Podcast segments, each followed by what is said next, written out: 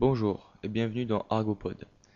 Pour ce nouvel épisode, j'ai décidé de, euh, changer un peu la façon de, de procéder en fait. Je me suis rendu compte en écoutant le dernier épisode que hum, c'était pas forcément facile de, pouvoir se rappeler de tous les mots si, euh, je sortais, euh, si je, j'expliquais, si je faisais une liste des mots euh, à apprendre. Donc en fait, ce que je vais faire, c'est que je vais, euh, je vais, euh, donner des mots et je vais tous les expliquer euh, avec, euh, en essayant de leur donner euh, un contexte pour pouvoir euh, plus facilement les mémoriser en fait. Donc là d'abord, bon, j'ai décidé pour ce podcast de, de faire euh, l'inventaire un peu de, de le, tous les mots qu'on utilise autour de la police en fait. Quand on se fait arrêter, euh, les mots qui qualifient euh, les policiers, ce genre de, vocabulaire. Donc on va commencer avec euh, bah, les mots pour, pour définir un policier. Donc on a les, poulets. Euh, c'est euh, c'est un mot qui est quand même euh, assez, je dirais un peu vieux parce que c'est l'ancienne génération, mais ça s'entend assez souvent quand même. hein. Après on a les flics, donc ça c'est assez courant quand même. hein. Si, dans la rue on voit, voit des, flics justement, des policiers, on appellera, on appellera les flics, regarde, regarde il y a les flics là-bas. Ou sinon il y a les keufs aussi. Les keufs c'est autre façon de les, appeler. Les condés et les schmitts aussi. Bon, ça, c'est euh, les cinq façons les plus courantes d'appeler euh, les, flics. hein. Mais les flics, c'est quand même le plus, courant, en fait. Euh, moi, j'appelle souvent ça les flics, personnellement. Ou les schmitts. Mais les schmitts, c'est plus une façon de les appeler, mais dans la rue, en fait. Enfin, dans la rue. Dans, entre jeunes, quand ils sont dans la rue ou quoi, on va dire Regarde, il y a les flics là-bas et tout. hein. Ou il y a les schmitts. Mais euh, sinon, voilà. Donc après, on va faire le tour des, du vocabulaire qu'on utilise pour... euh, euh, enfin lié aux flics en fait. hein. Donc on a balancer. Donc balancer en fait c'est une personne qui en général on va l'utiliser pour dire qu'une personne elle balance une autre personne. Par exemple, je sais pas, mon pote il s'est fait balancer par par par un autre type en fait. Un type c'est une personne. hein. Donc mon pote il s'est fait balancer et se faire balancer en fait c'est euh, se faire dénoncer. Se faire euh, en fait c'est une personne qui va voir les, flics donc et euh, qui va, leur raconter ce que fait une autre personne qui, enfin, ce que fait, ce que fait quelqu'un, ce que fait d'illégal en fait, ce que quelqu'un fait d'illégal. Par exemple, si quelqu'un il vend de la drogue et que une autre personne la prend et qu'elle va voir les flics, alors elle aura dénoncé. Si elle a dénoncé, on pourra dire qu'elle a balancé. Et dans le même, euh, dans le même principe, quelqu'un qui balance, euh, qui balance donc, c'est une balance. Et c'est assez péjoratif en général. Quand on dit à quelqu'un t'es une balance, c'est pas super. Hum, Après, il y a aussi euh, mettre sur écoute. Mettre sur écoute, c'est en fait c'est une technique que les, les, les flics ils ont pour pour écouter les lignes téléphoniques en fait. Ils prennent, euh, ils se branchent physiquement ou je sais pas exactement comment sur les lignes téléphoniques pour écouter tous les, les coups de fil que la personne qui veut le mettre sur écoute passe en fait. Donc de cette façon-là, ils peuvent savoir euh, tous les, tous les coups de fil euh, qu'il donne, euh, tous les coups de fil qu'il reçoit.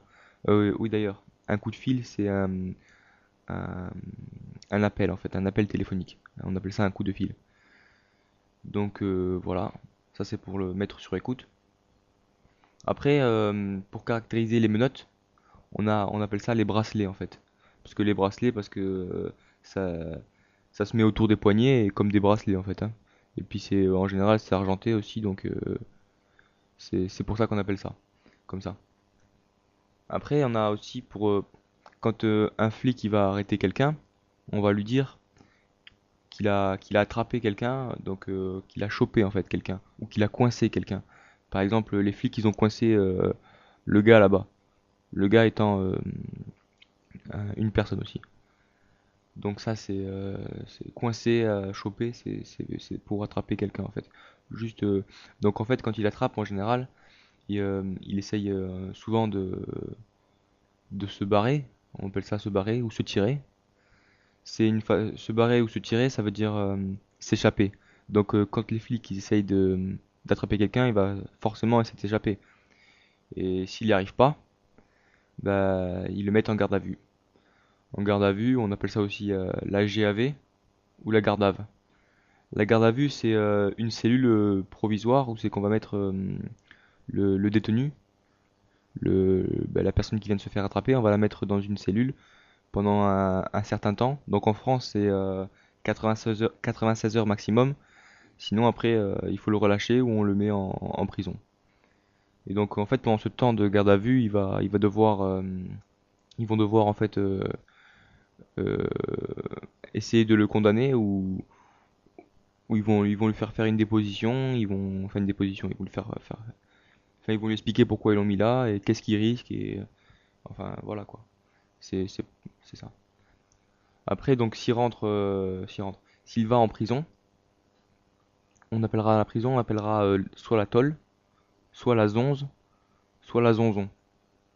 Bon, il y a d'autres mots encore, mais euh, c'est les principaux, je pense. Donc, euh, la euh, c'est vraiment la prison, en fait. Hein. C'est, on va dire, qu'on mettra quelqu'un en prison. Par exemple, il est rentré en tôle, parce que bah, il, est, il, allé en, il est entré en prison, quoi. Donc, pareil. Hein. Ou par exemple, si, si, on a un ami qui est, qui en, qui en qui est en zonze, c'est pareil. C'est quelqu'un qui est en prison, donc. Euh, donc euh, après on a le, mot euh, baliser. Baliser en fait c'est avoir peur. Par exemple quand on est en garde à vue donc il est normal de baliser parce qu'on ne sait pas si on va aller en prison ou non en fait. Donc baliser c'est vraiment avoir peur. On pourrait dire aussi flipper. Flipper ou avoir les jetons. Mais je reviendrai dessus plus tard. Alors et après, un dernier truc, c'est euh, rentrer en prison. Donc, euh, en fait, c'est rentrer, on va dire, ouais, euh, je balise parce que je sais pas si je vais rentrer ou non, en fait. rentrer, c'est sous-entendu, donc rentrer en prison. Et rentrer en prison, ça veut dire aller en prison. Ou rentrer en tôle. Mais on va dire plutôt rentrer en prison. Plutôt que dire rentrer en, rentrer en, tôle, ça le fait pas trop, quoi. c'est pas très correct. Je dirais plutôt rentrer en prison. Donc, être incarcéré, quoi. Donc, ça, c'est pour le tout le vocabulaire lié à la prison. Donc on se rappelle, on a euh, pour, euh, pour la police, on a les poulets, les flics, les keufs, les condés et les schmitt. Ça c'est tout ce qui désigne euh, les policiers. Après on a le, balancer, donc balancer quelqu'un, une balance, la personne qui, dénonce quelqu'un, mettre sur écoute, le fait d'écouter une ligne téléphonique, euh, les bracelets qui caractérisent les menottes, se barrer, se tirer, qui est euh, la façon, enfin euh, argotique de pour, pour dire qu'on s'échappe, coincer, choper, qui là est attraper quelqu'un donc, la garde à vue, la GAV ou la garde à donc c'est la cellule euh, où on détient quelqu'un provisoirement. Et puis après on a la tolle, la ou la zonzon qui désigne la prison. Baliser, donc euh, avoir peur. Et rentrer, rentrer en prison, donc euh, être incarcéré. voilà. Bon, ben, je pense avoir fait le tour de, du vocabulaire tournant autour de, la police.